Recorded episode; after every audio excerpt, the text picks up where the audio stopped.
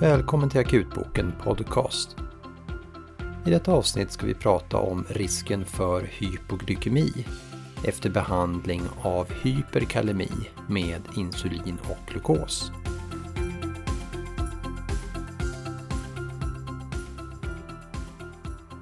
En av de viktigaste behandlingarna vid en akut hyperkalemi är att ge insulin och glukos som skiftar in kaliumet i cellen och sänker i genomsnitt kaliumnivåerna relativt snabbt med i genomsnitt någonstans mellan 0,6 till 1,2 millimol per liter.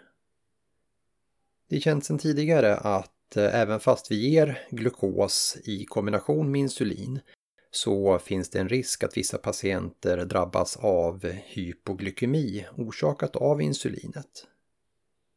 Den vanligaste rekommenderade behandlingen är att ge 10 enheter av snabbverkande insulin kombinerat med 25 gram glukos intravenöst. Vi har nu här i 2020 fått en ny studie i Emergency Medicine Journal där man har tittat på 90 patienter med hyperkalemi som fått behandling med insulinglukos och där man studerat hur stor risken var för dessa patienter att drabbas av hypoglykemi orsakad av behandlingen. I studien där man inkluderade 90 patienter med eh, hyperkalemi så fick patienterna i enlighet med gällande rekommendationer 10 enheter snabbverkande insulin kombinerat med 25 gram glukos som en intravenös injektion. I studien följde man sedan glukosvärdena varje timme under 6 timmar. Det man såg i studien var att eh, den genomsnittliga sänkningen av blodsocker var ungefär en millimol per liter, det vill säga inte någon stor sänkning, men att variationen mellan olika patienter var stor.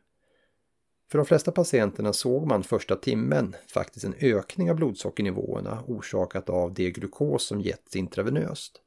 Men sen såg man att vissa patienter därefter fick en betydande blodsockersänkning.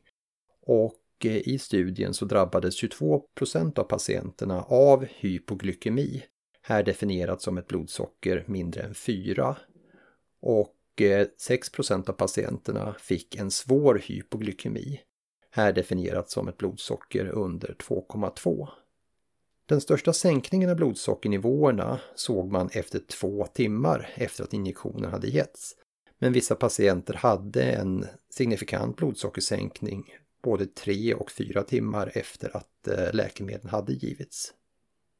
Det fanns en något ökad risk att drabbas av en symptomgivande eller svår hypoglykemi om man hade ett lägre blodsocker som utgångsvärde. Men även patienter som hade förhöjda blodsockervärden innan behandlingen gavs kunde drabbas av hypoglykemi. Det fanns inte heller någon säkert sätt att förutspå vilka patienter som skulle drabbas av hypoglykemi Även om patienter med känd diabetes och högt blodsocker redan vid inkomst verkade ha en något lägre risk att drabbas av just denna komplikation.